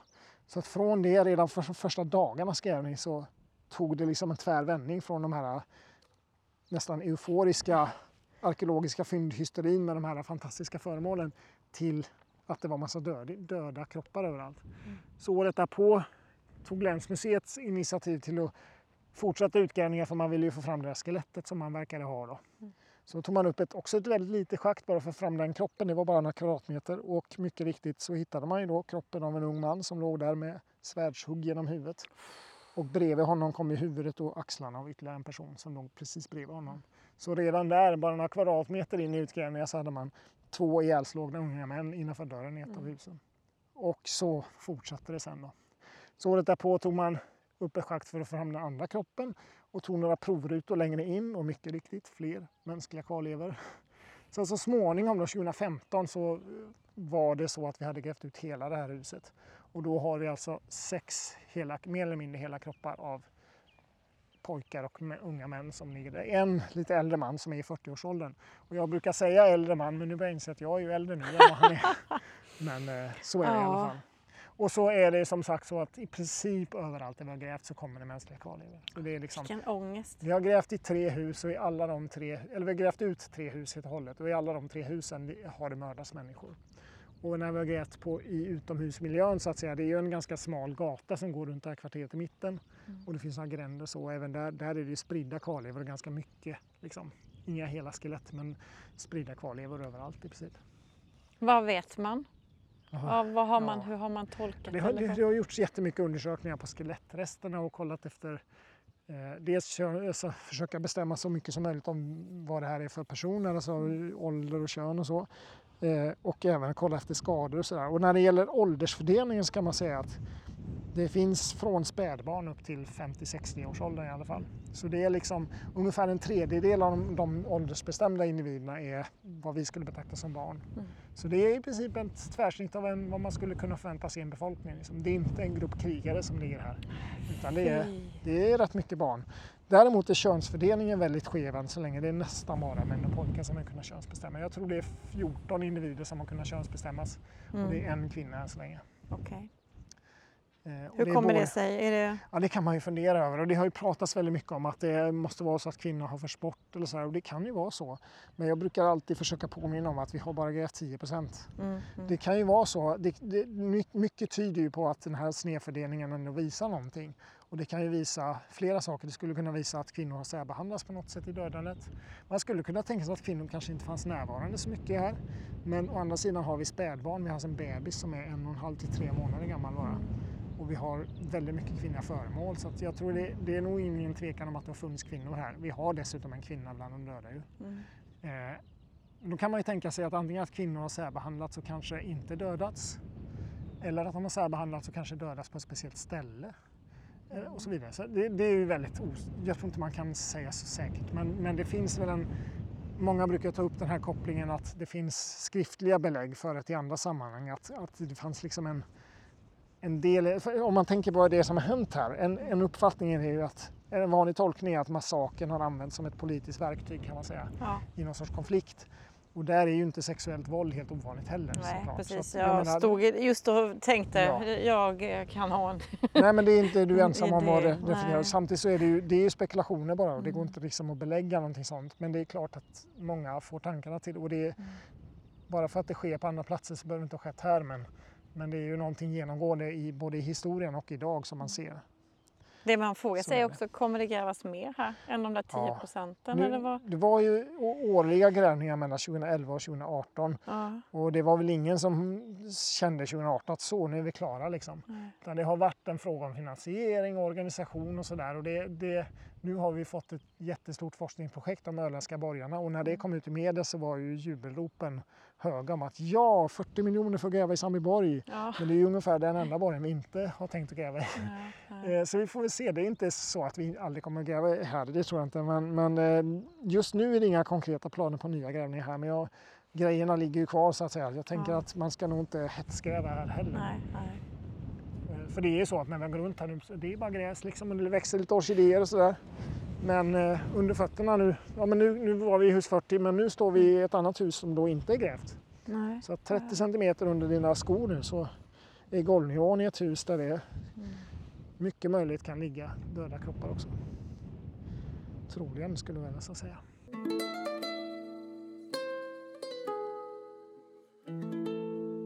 Ja, nej men eh, ja, Ölands största borg föröver. Nu är vi, ska vi köra lite så är vi, Ja. nu är vi i Borgsby som det heter. Eh, som ligger på mellerst, mitt på Öland kan man säga. Och eh, där då Ölands största fornborg ligger, Gråborg. Och vi står precis nu som vi ser Gråborg med ett medeltida valv. Ser man där. Ja, för det här- det är medeltiden, Ja. det är inte... så Gråborg är också en av de här som har använts både under järnåldern och under medeltid.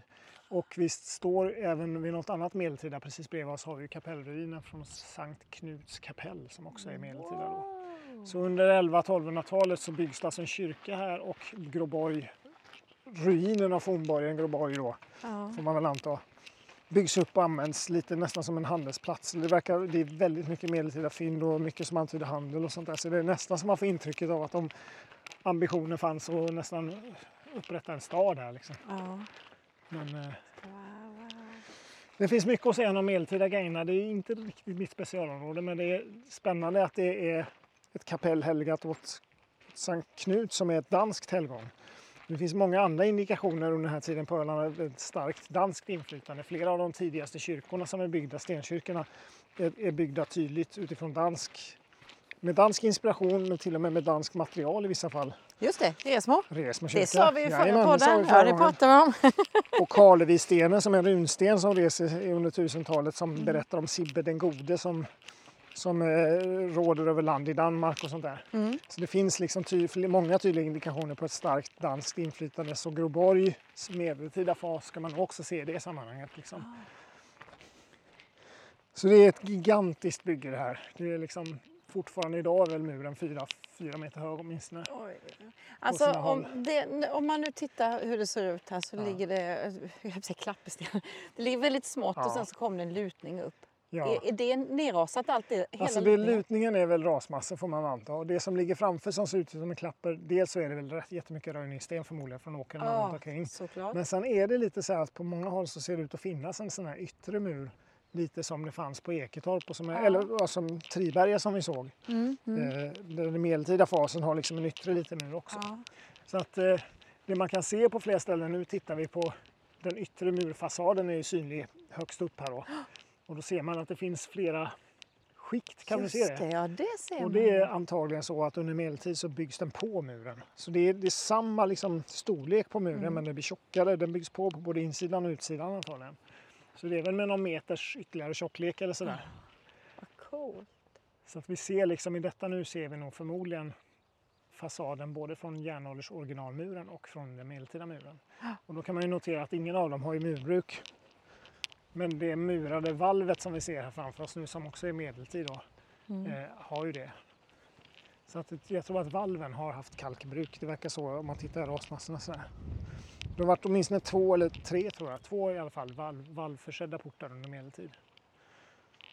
Men det är alltså inte järnålder då utan det här är ju under järnåldern har portarna inte sett ut så här. Nej. Och den här har haft en övervåning också har man kunnat se när man har undersökt här. Det har funnits ett rum ovanför porten. Liksom. Nej, vad coolt. Och tittar man på den rekonstruerade Eketorps borg numera så har man sedan 5-7 år tillbaka eller något sånt där så ser porten ut ungefär som den här när man kommer till Eketorp och den är liksom rekonstruerad med tanke på det.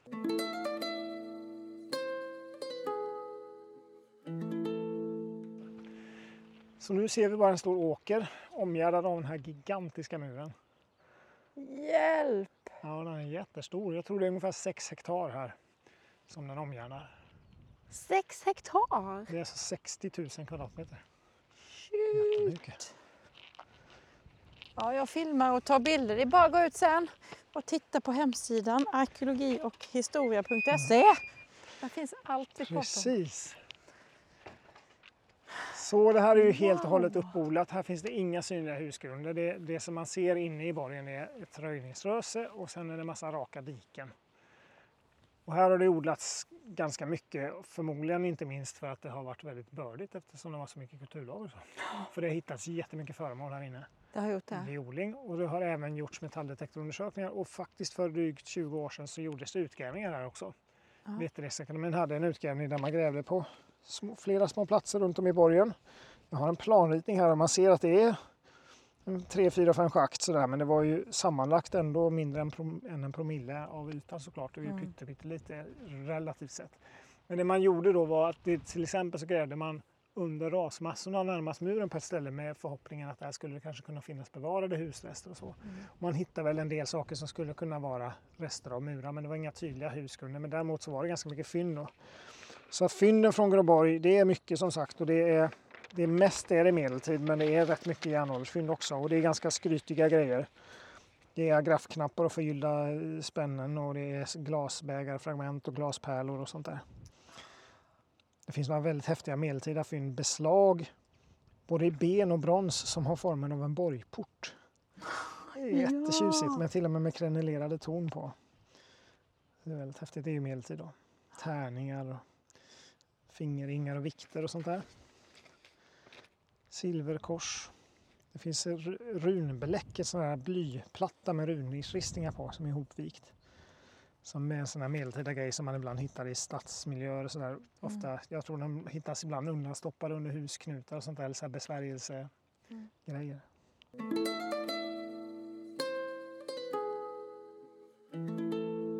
Vet man någonting om hur det ser ut eller har de inte? Ja, det finns massa funderingar. Det finns flera portar ju. Mm. Eh, Alltså muren vet man en del om och de- den är ju så pass välbevarad så man har nog nästan ursprunglig höjd på den. eh, Där borta. där. Och där finns det uppe på murkrönet på något ställe där det ligger stenar som, om man tänker sig som domino. Ja, vi kan gå och kolla. Eh, som har tolkats som ett nerfallet liksom bröstvärn så att säga. Mm. Och det är det att staplarna, tittar man på de här stenarna som ligger som att de har legat på varandra då, Mm. så blir de typ 1,80 höga om man reser upp dem. Liksom. Och det har man då menat att det, det i sig måste innebära att det har funnits en krenelering då.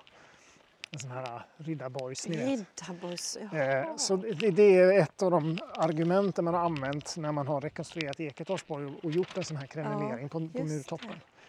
Men inte Ja, så för, att... det, för det kan ibland kännas som, som eh, i sagornas värld. Ja, lite så. Och det, det är inte alla inte överens om att det där är ett övertygande belägg men det är det man använder i alla fall då när man... Vad, vad har det haft för funktion i sådana fall? Är men det att kunna krenel- gömma sig bakom? Ja, men krenel, eller? om du tänker att du har en, en murtopp och så har du fram, längst ut på muren har du liksom en, Mm. en högre mur som du har som skydd när du står uppe på muren. Ja, precis. men då det, har kreneleringen då skapat öppningar så du kan skjuta en det är det. det, ja, det är se- skydd. ja. Så Så att man, tänk, ja. jag tänker så i alla fall. Mm, mm. Ja, det måste det vara. Man slippa ligga ner och... och... Vi ska se, jag hittar rätt här. Då. Hjälp vad hög den är! Ja, Det är helt absurt. Kolla den! ja, det är helt vansinnigt. Oj, shit! Ja, det här stället måste ni åka till hörni ni. Det här är jättefräckt. Varför Det är väldigt häftigt samtidigt som det är lite så här, ja undrar hur det har sett ut här inne för man ser verkligen ingenting av Nej. husgrunden. Nu har vi, ja, Eh, Ser man inte det? Man ser inte det ens när det är torrt eller nej, sådär. nej det finns ingenting kvar av det det. finns Faktum är att vi såg på ett ställe närmast röjningsrörelsen bakom oss där så ser man berggrunden så det är inte så långt ner till plattan. Nej, nej. Och det har gjorts markradar här och det finns i alla fall ingenting som tyder på att det finns husgrundsrester kvar. Åh, synd. För det måste varit ett jätte... Det har nog plöjts bort helt och hållet helt enkelt. Så det har plöjts och sen har de lagt allt som finns kvar i en Ja. hög i mitten då? Ja, eller många högar Eller många högar? Mm. Det Ja, är de rätt mycket röjningsrörelser på insidan av rasresterna också. Just det. Så framför oss här nu är det en liten glipa i muren och där har det av allt att döma varit en, en vallförsedd port här också då. Ja. Vi kan fortsätta. Jag tror att det, Alltså det är en absurd känsla det här faktiskt. ja, det, Det känns jätte, jättekonstigt. att det är en fornlämning det här som är så gammal. Ja, Men det är att, ju det där tidsdjupen här också att mycket av det vi ser kanske är, alltså att det är så pass välbevarat är väl för att det användes hyfsat nyligen liksom. mm, Det, är inte, det har inte varit öde i 1500 år liksom. Utan den här platsen var nog ganska livlig för en 800 år sedan. ja, precis. Det var ju bara häromdagen. Bara häromdagen, ja, precis. Wow.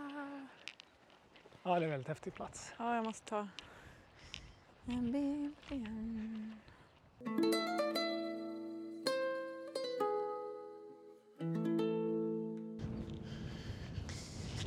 Ja, det finns lite lite sten här du. Ja, Några ton. man kan säga att Gråborg är ganska grå. Ja. Ja, det är därför den, hade, den, den, den känns, den tränger nästan på tycker jag. Ja, när man går här nere. Undrar hur det lät här, undrar hur det var. ja. Jag tycker det är häftigt att man ibland kan man tycka att man ser liksom sektioner nästan som man kan se Ja. arbetslag som man byggt. Ja, Liksom. Eller så kan det ju vara igenstoppade portar och sånt där också. I vissa fall. Som där är också någonting som känns där, det ligger par om två och sen har det hänt något och så är det par. Ja, Vad är det där för något? Är det likadant där? Ett litet rum inne. Ja, som att det Det nästan ser ju är... fasen konstigt ut. Hur finns kan det en- ha rasat finns så? någonting mer där? Det fick jag en sån rolig fråga av ett barn en gång när jag guidade i Samiborg. Mm. Så pratade jag om att muren är fyra meter tjock och sådär. Och så var det en unge som bara, en sjuåring liksom. Har det funnits rum inne i muren? Och jag bara... Alltså, jag, why not egentligen? Jag har aldrig tänkt på det. Nej. Men det är klart att det kan göra. Och det vet vi ingenting om. Det där ser fasen spännande ut. Där inne ligger guldskatten tror jag. Det ligger en tomrum där inne. Det kan ju inte ha rasat sådär. Jättekonstigt.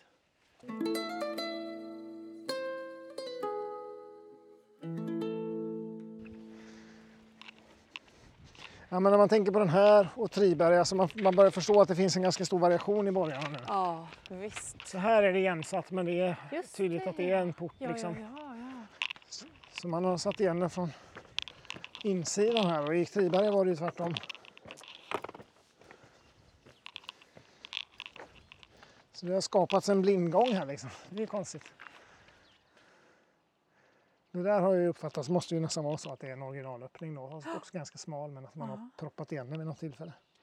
Eller så byggde man fel bara, helvete det skulle inte vara en öppning här vad var det gjort? Just det. Ja, jag får fixa det.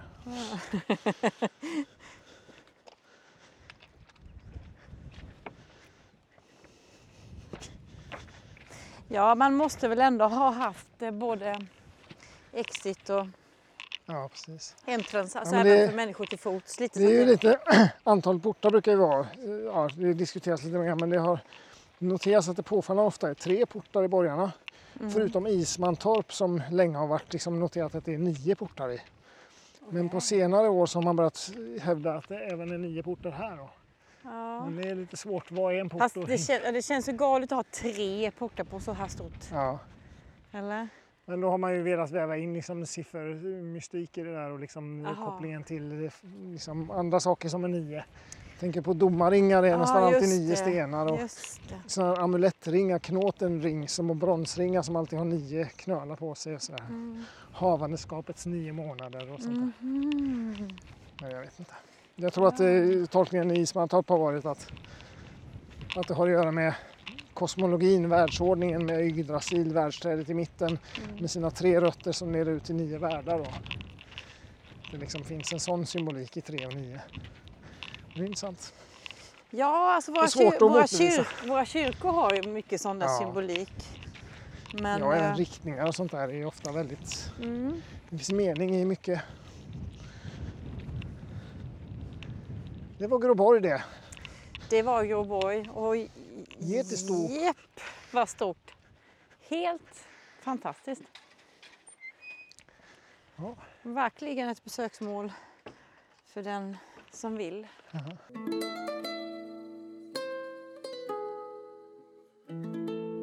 Jag ställer den frågan ibland. Hur ska man ta sig an? Hur ska man tänka? Eller hur ska och Alltså, ska? beror Men... Du menar när man som besökare kommer till en sån här plats? Det Ja. finns ju det är så väldigt olika. Om man bara tittar på idag hur de är ordnade så att säga så är det väldigt stor skillnad i hur anpassade de är för besökare. Så att Mm. på vissa ställen finns det ju jättemycket, ja, men som här, toaletter, parkering och grejer. Andra ställen är det ju ute i någons betesmark man är liksom. Ja. Så det jag tycker man ska tänka på är liksom att respektera den verksamhet som pågår där. Och förbaske mig, släng inte skräp i naturen och sånt. Och då brukar ofta ta- folk tänka på glasspapper och sånt. Men, ja, men lite matrester gör väl ingenting. Men det är ju ännu värre egentligen att slänga matrester om man är en kohage till exempel. Just med tanke på smittorisk och sånt där. Mm. Så att inte matrester heller i naturen. Det är just det där för att om man tänker att äh, kossor de skadas inte av lite sånt. Men om en stor bonde får ett salmonellautbrott på sin gård på grund av att turister har varit där och slängt skräp i hagen. Då kan ju det bli enorma konsekvenser. Liksom. Det har jag inte ens tänkt på. Nej, det har inte jag heller tänkt på innan man börjar prata med lantbrukare och förstå deras perspektiv lite mer. Så att, ja, det är mitt medskick att respektera, ha koll på vad det är för verksamhet på platsen och eh, respektera det och, och gör så litet avtryck du kan, Ja. tycker jag. Och så kan man gärna då besöka de Ja, ja, platser som är lite gjorda för besök. Och sen finns det så här utflyktsguider och annat. absolut. En Många- liten googling bara bort Ja, så vet fin- man ju exakt. Och när det gäller Öland så finns det ganska mycket på turistbyråer, sånt där, eh, publikationer som är gratis om öländska pärlor och sånt där. Där många av de här mer besöksvänliga borgarna till exempel är med. Mm. Och där har vi Groborg, Bårbyborg, Eketorpsborg, Ismantorpsborg där det finns liksom parkering och lite anordningar sådär. Och dit ska vi nu! Ismantorp är nästa. Det Ja! är det på vissa Ja. sätt den bästa. Avslutar vi dagen. Ja, Underbart! med Sveriges häftigaste fornlämning.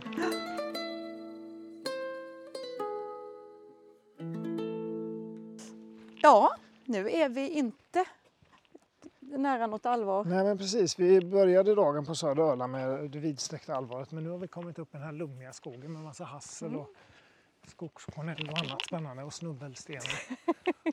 nu är vi i Mittlandet, eller Ja. Mittlandsskogen som det kallas också. Så vi har parkerat och är på väg till vad som är nog ändå en av de ballaste platserna i den här kategorin just nu i alla fall. Eh, Ismantorpsborg ska vi titta på. Åh, vad spännande! Och den är ju speciell inte minst därför att den är så mycket kvar av. Ja, Så det är ju liksom en ordentlig... Vi är inte så bortskämda med det i Sverige men det här är faktiskt en ruin. Mm. Det är liksom, tycker jag i alla fall. I mina ögon är det det. Gråborg har ju lite de kvaliteterna också med tanke på murens höjd och så. Men där är det åker innanför. Det som är häftigt här är att det är en mur av samma, liksom, i- samma klass nästan. ja. Sen är det 95 husgrunder innanför också. Så det är lite coolt. Som man ser väldigt tydligt som är murrester verkligen. Mm. Så Ja, det, det här är är- en spännande plats. ja det var är ju kul att avsluta med. Ja, Och sen finns det ju många fler än ja de här. visst, absolut. Då. Ja, men det vi har sett idag är ju några av dem som är kanske lite mer lättillgängliga om man säger så. Mm. Eh, några av de andra är ju kanske lite knepiga att ta sig till. Det finns inte alltid parkeringar och sådär. Eh, men det här är ju de som, flera av de här som vi har sett idag har ju toaletter och sådär också. Det är bra. Ja, men det är också en väldigt lummig stig här vi går nu. Det är liksom Det är nästan lite som en grön tunnel vi går igenom. Ja, lite Ja, regnskogskänsla. men det är, Mittlandsskogen är speciell. Det sägs ju vara en av Nordeuropas största sammanhängande ädellövskogar faktiskt. Sen är det alltid definitionsfråga vad menar man med sammanhängande för det finns ju områden med åkrar och grejer men det här är, det är väldigt tät snårig skog. Den är inte så gammal den här skogen. Den är egentligen bara kanske 100-150 år gammal eller så.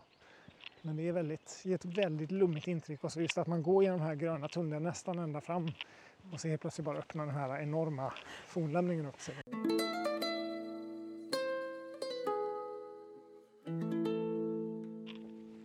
Plats med många andra kvaliteter än bara arkeologin också. Många som kommer hit tittar ju på, gör ju det för att titta på orkidéer eller fjärilar eller steklar eller ormar för den delen.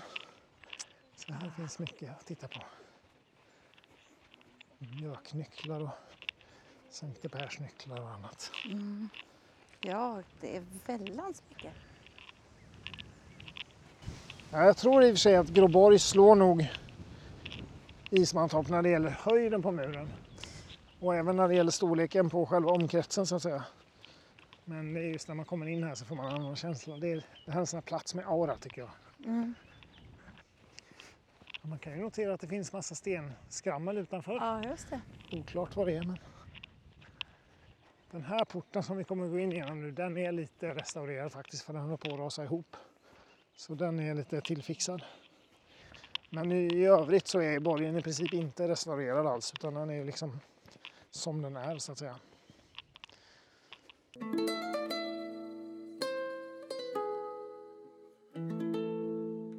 Från luften är ju Ismantorp väldigt liksom spektakulär. Så det är ju en eh, hyfsat cirkelformad men en lite oregelbundet formad mur. Med alla dessa synliga rektangulära stenhusgrunder i då. Och en vanlig uppgift som man ser är att det finns 88 hus i den men det är senare uppgifter säger att det är 95 hus. Jag har faktiskt inte själv räknat men det beror lite på vad man menar med hus också. Men typ så här ser planritningen ut. Nu håller jag fram en plan här och visar att det är ett virrvarr nästan. Och till skillnad från till exempel Sandbyborg så här kan man ju faktiskt se att det verkar vara så att det finns en kronologi i husen också. Att vissa hus verkar överlappa andra hus och så Mm. på några ställen. Så det, det finns nog en ganska... Alla hus kanske inte byggda i samma skede utan men det är det här med radiella hus som vi kallar det för som ligger liksom med gaven mot, mot borgmuren. Och sen är det en klunga med hus i mitten som separeras av lite gator. Det verkar finnas en formation centralt i borgen. Mm. Och sen går det då, man skulle kunna tolka som tre gator ut från den centrala formationen ut till vad som verkar vara nio portar. Då. Eh, Så att det har ju länge varit en sån här, den här platsen vi är på ligger ju typ mitt på ön. Skulle man sätta en nål här skulle man kunna snurra ön runt den, just här, nästan så. Och också i häradsgränser så. Eh, Så att det är ju ett intressant läge på det sättet. Men just och, och det här med portarnas, nio portarna har ibland föreslagit att de, att de riktar sig mot bygder så, som liksom att det är en Mm. samlingsplats för det. Men det är också, och man har ju sagt att nio portar det rimmar ju dåligt om man tänker sig att det här är en försvarsanläggning. Liksom. Så man har länge sett Ismantorp som någonting annat också kanske. Men en senare, en ny, nya, vi kan gå lite hitåt. En hyfsat ny, eller för 20 år sedan så gjorde en, en eh, arkeolog som heter Anders Andrén, han gjorde utgrävningar här och eh, har kommit med en tolkning som handlar om att man kan förstå ut, alltså layouten på Ismantorpsborg eh, som liksom flörtandes med den fornnordiska kosmologin då med världsträdets Yggdrasil i mitten och de tre rötterna som leder ut till de nio världarna och sådär. Ja, nu går vi på en rot Ja, nu går vi på en, en rot, ja precis. Mm. Ja, man kan backa lite och säga alltså att en sån här plats har ju lockat arkeologer alltid, så jag på säga. Mm. Eh, Så redan på 1800-talet gjordes utgrävningar här. Hildebrand brorsor var de väl. Eh, Mårten Stenberg är som en sån här eh, profil när det gäller, alltså en väldigt viktig Ölandsarkeolog som gjorde undersökningar redan på 20-talet och sen skrev sin doktorsavhandling på 30-talet om Ölands, järn, Ölands järnålderslämningar. Och, sen på 60-talet ledde utgrävningarna av Eketorpsborg också. Så Mårten Stenberger grävde också flera husgrunder här och det den gemensamma nämnaren för den här tidiga grävningen var att man hittade knappt någonting alls. Inget kulturlager, någon enstaka eldsal sådär. Inga föremålsfynd som gick att datera egentligen. Nej. Så att det var länge sedan mysterium och fastän har man inte varit här. Det var liksom en sån här plats som är så otroligt imposanta lämningar liksom, och så är det tomt bara. Mm. Eh, och det är ju inte så att allt är utgrävt men jag tror att det är åtminstone sex husgrunder eller något sånt där som är grävda. Mm. Och det är väldigt lite fynd. Det finns nog lite djurben och lite krukskärvor tror jag men det är liksom inga bronsföremål och sånt där. Så tror det var 99-2000 där någonstans som Anders Andrén gjorde utgrävningar här där vi står i den centrala delen av borgen. Här finns det bland annat en hästskoformad stenformation som vi har precis framför oss här, eller liksom en halvcirkel kan man säga. Ja. Som det, vi undrar lite vad, eller om han undrat vad det är för någonting. Då. Så han grävde ett schakt i den och kunde då se att det finns en mur som sluter den här halvcirkelformen också. Så det verkar vara en liten byggnad, halvcirkelformad. Och sen grävde han på den tomma ytan här där det liksom är verkligen mitt i borgen. Mm. Och, han hittade då en stor nedgrävning där och i den hittade han tre föremål som ändå är typ daterbara. Det är tre järnföremål. Det är en spjutspets och en pilspets och ett litet direktspänne i järn också. Som det är de första egentligen daterbara föremålen som är från Okej. folkvandringstid eller romersk eller folkvandringstid. Så det är fortfarande så att Ismantorp jäckar oss lite grann när det gäller spår som är arkeologiskt detekterbara av vad som har hänt här. Men Anders har ju då istället tittat på layouten av borgen och dels försökt att eh, ge sig på att göra en kronologisk indelning av, av de olika faserna men också den här tolkningen av det som en kosmologisk liksom, spegling. Det är spännande. Jag tycker att den här platsen har värdet också av bara, bara platsen som sådan. Liksom att stå här och bara, egentligen när jag tar hit studenter och sånt där, då brukar jag bara liksom kort berätta om vad som har gjorts arkeologiskt men sen bara släppa folk och bara gå runt och andas lite och insup. Det är jättekonstigt. Ja. Det är supercoolt.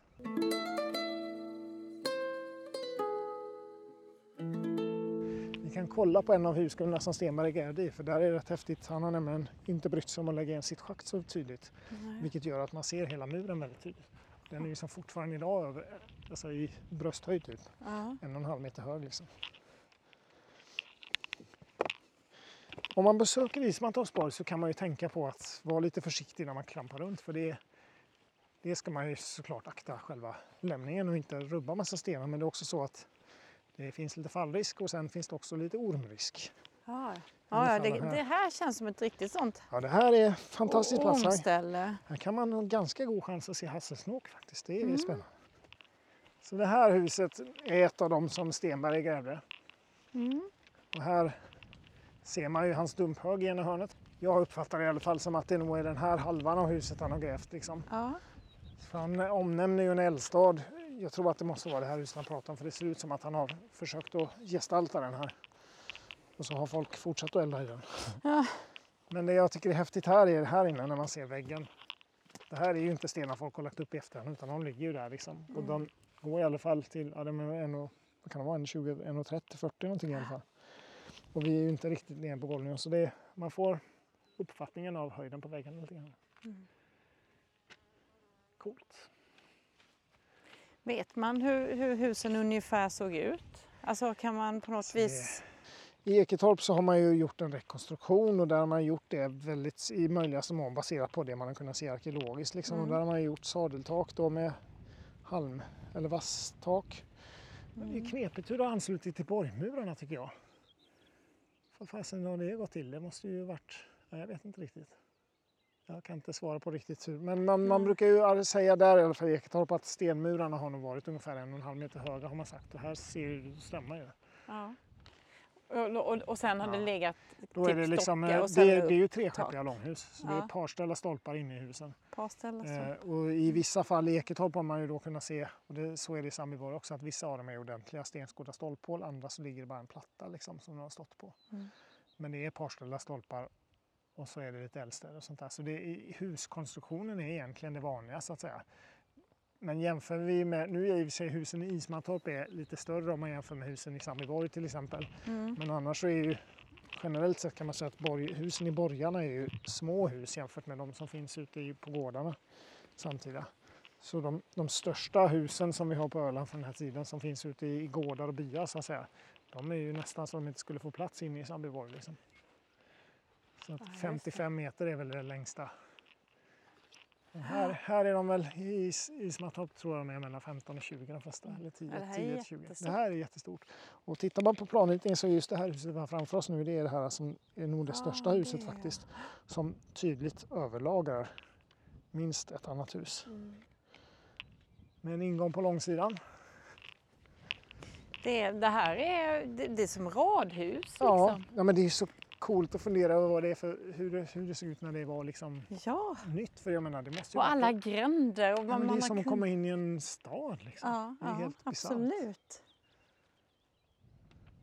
Den här var ju ett bjässehus. I alla fall för att vara en borg eller ett bjässehus. Annars är det Ja. ganska mediokert skulle jag säga. Det är också något man kan fundera över på en plats som Ismantorp eller inte minst Gråborg. Mm. All sten, liksom. vad fasen har man fått tag på all sten? Ja, måste för att det vara... kan Det är verkligen... klart att man kan hitta sten i marken Gråborg. men det här är enorma mängder sten. Ja, det är ju så det är fruktansvärt ju mycket sten. tveklöst så att man har brutit sten också. Ja, ja, ja. Och det, det är också Vad någonting som vi vet i princip ingenting om.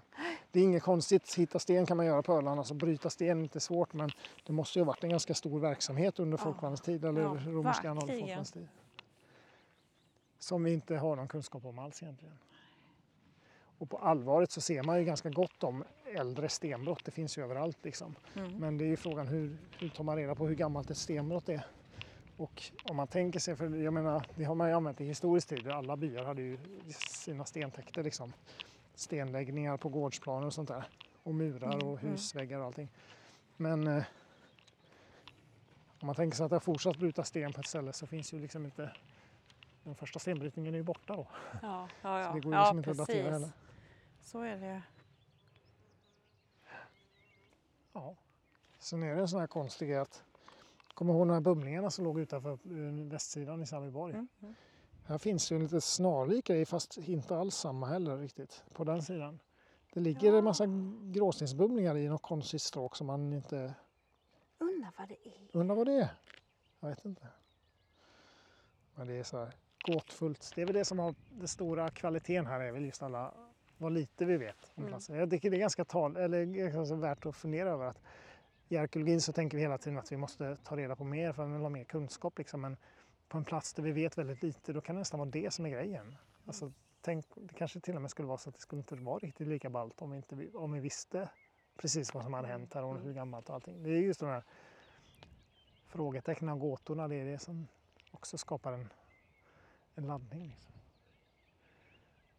Så därför borde vi lägga ner arkeologin. Nej. Ja, Nej, det kan du klippa bort.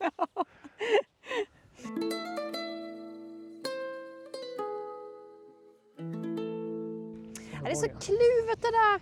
För jag kan känna bara, åh men det är klart, vi ska, man kan bara gräva och köra med eh, sådär metalldetektor och kör bara. bara veta liksom. Det kommer finnas grejer och att det är Ja. kul och, Ja, ja, och ja. så. Men det är... Det är många saker att ta hänsyn till. Så. Jag Jo. tänker att sån här besöksmål, där kan också vara lite knepigt att gräva säkert. Men ja, Mm. För jag blev lite förvånad då när man, jag började läsa arkeologi. Lite, så här, du vet, oh, vad kul arkeologi och Ja. gammalt och så. När det liksom var så här, ja fast eh, det är inte så att, att, arke, alltså att arkeologin att vi alltid bara ska gräva. Eller gräva upp och gräva bort eller så. nej, Utan, bara för att det finns något så gräver vi inte ut det. nej. Och, och då var med så här, nej, men, Varför inte det? jo men det är klart vi vill. så. Sen samtidigt så blir man ju lite stolt över det ni Ja, att det ni gör, att man, att man eh, det som måste tas om hand för att man ska göra, bygga vägar och annat Ja. och så. Men, men att man ändå kan låta det vila. ja. Men jag tänker lagstiftningen är ju den vi behöver luta oss mot och det är ju en bevarande lagstiftning. Liksom. Mm. Så att alla utgrävningar som görs är ju egentligen undantag när man har liksom tagit ett avsteg från vad som egentligen ska gälla. Ja. Så att för alla utgrävningar man gör i exploateringssyfte och sånt, då tar man ju bort en fornlämning och det får man ju inte göra. Nej. Så det är ju liksom, då har ju Länsstyrelsen gett tillstånd att okej, vi kan ta bort den här fornlämningen, men då behöver vi göra det här istället. Mm. Så man ersätter fornlämningen med någonting annat då, kunskap eller liksom. Var kom vi Ja, där? därifrån kom vi. Här borta ligger den här kaffestugan. Ja, ja, ja. Nya Det känns som att man är ingenstans. Ja. I en kohage bara. Ja, det brukar gå får här ibland. Men... Alltså vet du, jag ska säga så här, nu har vi varit på de här olika och det blir samma, samma känsla i kroppen tycker jag Ja, på coolt. alla ställena. Lite, lite tungt. Ja, ja. Det är är det? många lager av händelser kanske. Ja, ja, det är en lustig känsla. Ja. För det är så mycket arkeologi som man står liksom uppe på bara. Det är en Ja. grav och så är det liksom Ja. ett litet röse och så är det där i sin lilla uppenbarelse. Men det här blir så mastigt, det blir så mycket. Ja, det är så mycket. Ja, jag håller med dig. Jag- Jag kan också känna så här liksom vad liten man är. Liksom. Ja. Både i förhållande till det rumsliga men också till tidsdjupet liksom och Ja, ja, ja. allt det här. Och också som arkeolog då känner jag också ibland att vad liten jag är, vad kan jag... Alltså, hur- fåfäng idé att jag ska kunna ta reda på mer om det här Mm. bara genom att gräva i marken liksom. Men det kan man ju också. Men ja, jag vet inte.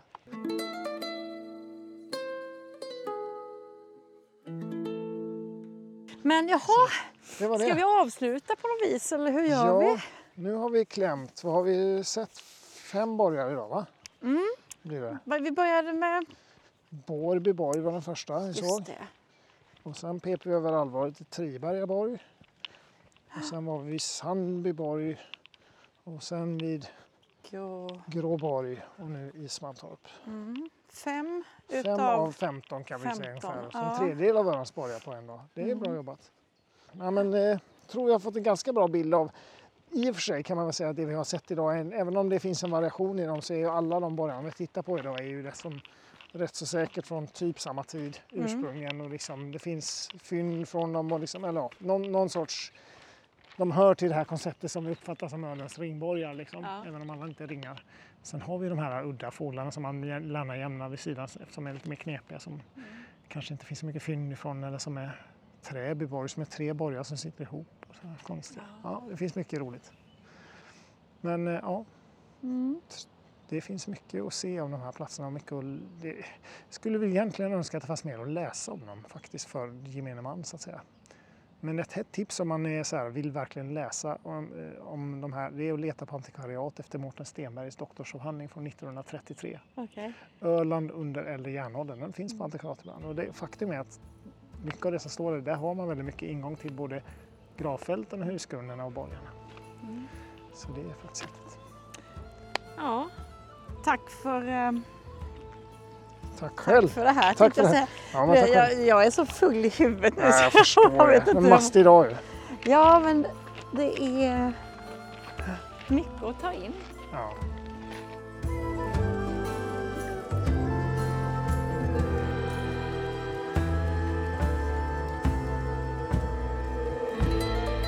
Det där var fem snabba borgare med Ludde. Det är verkligen en uppmaning för mig. Alltså det är så coolt att se de här borgarna. Eh, och alla har något eh, extraordinärt. Så att en uppmaning, kör du förbi Öland, är du på Öland, ta och kolla in de här borgarna. Jag kommer också att lägga ut lite bilder och kanske någon liten film lite så på poddens hemsida arkeologi och historia.se. Men ingenting går emot upp och se dem live såklart. Glöm inte att du även kan kolla in Länsstyrelsen i Kalmar läns utflyktsguide. Eh, där kan du hitta tips på utflykt som du kan göra och bland borgarna så tror jag att det ska finnas Ismantorp och Triberga borg. ska finnas med i guiden. Så kan du läsa lite mer om dem där. Annars är det bara som vanligt att googla.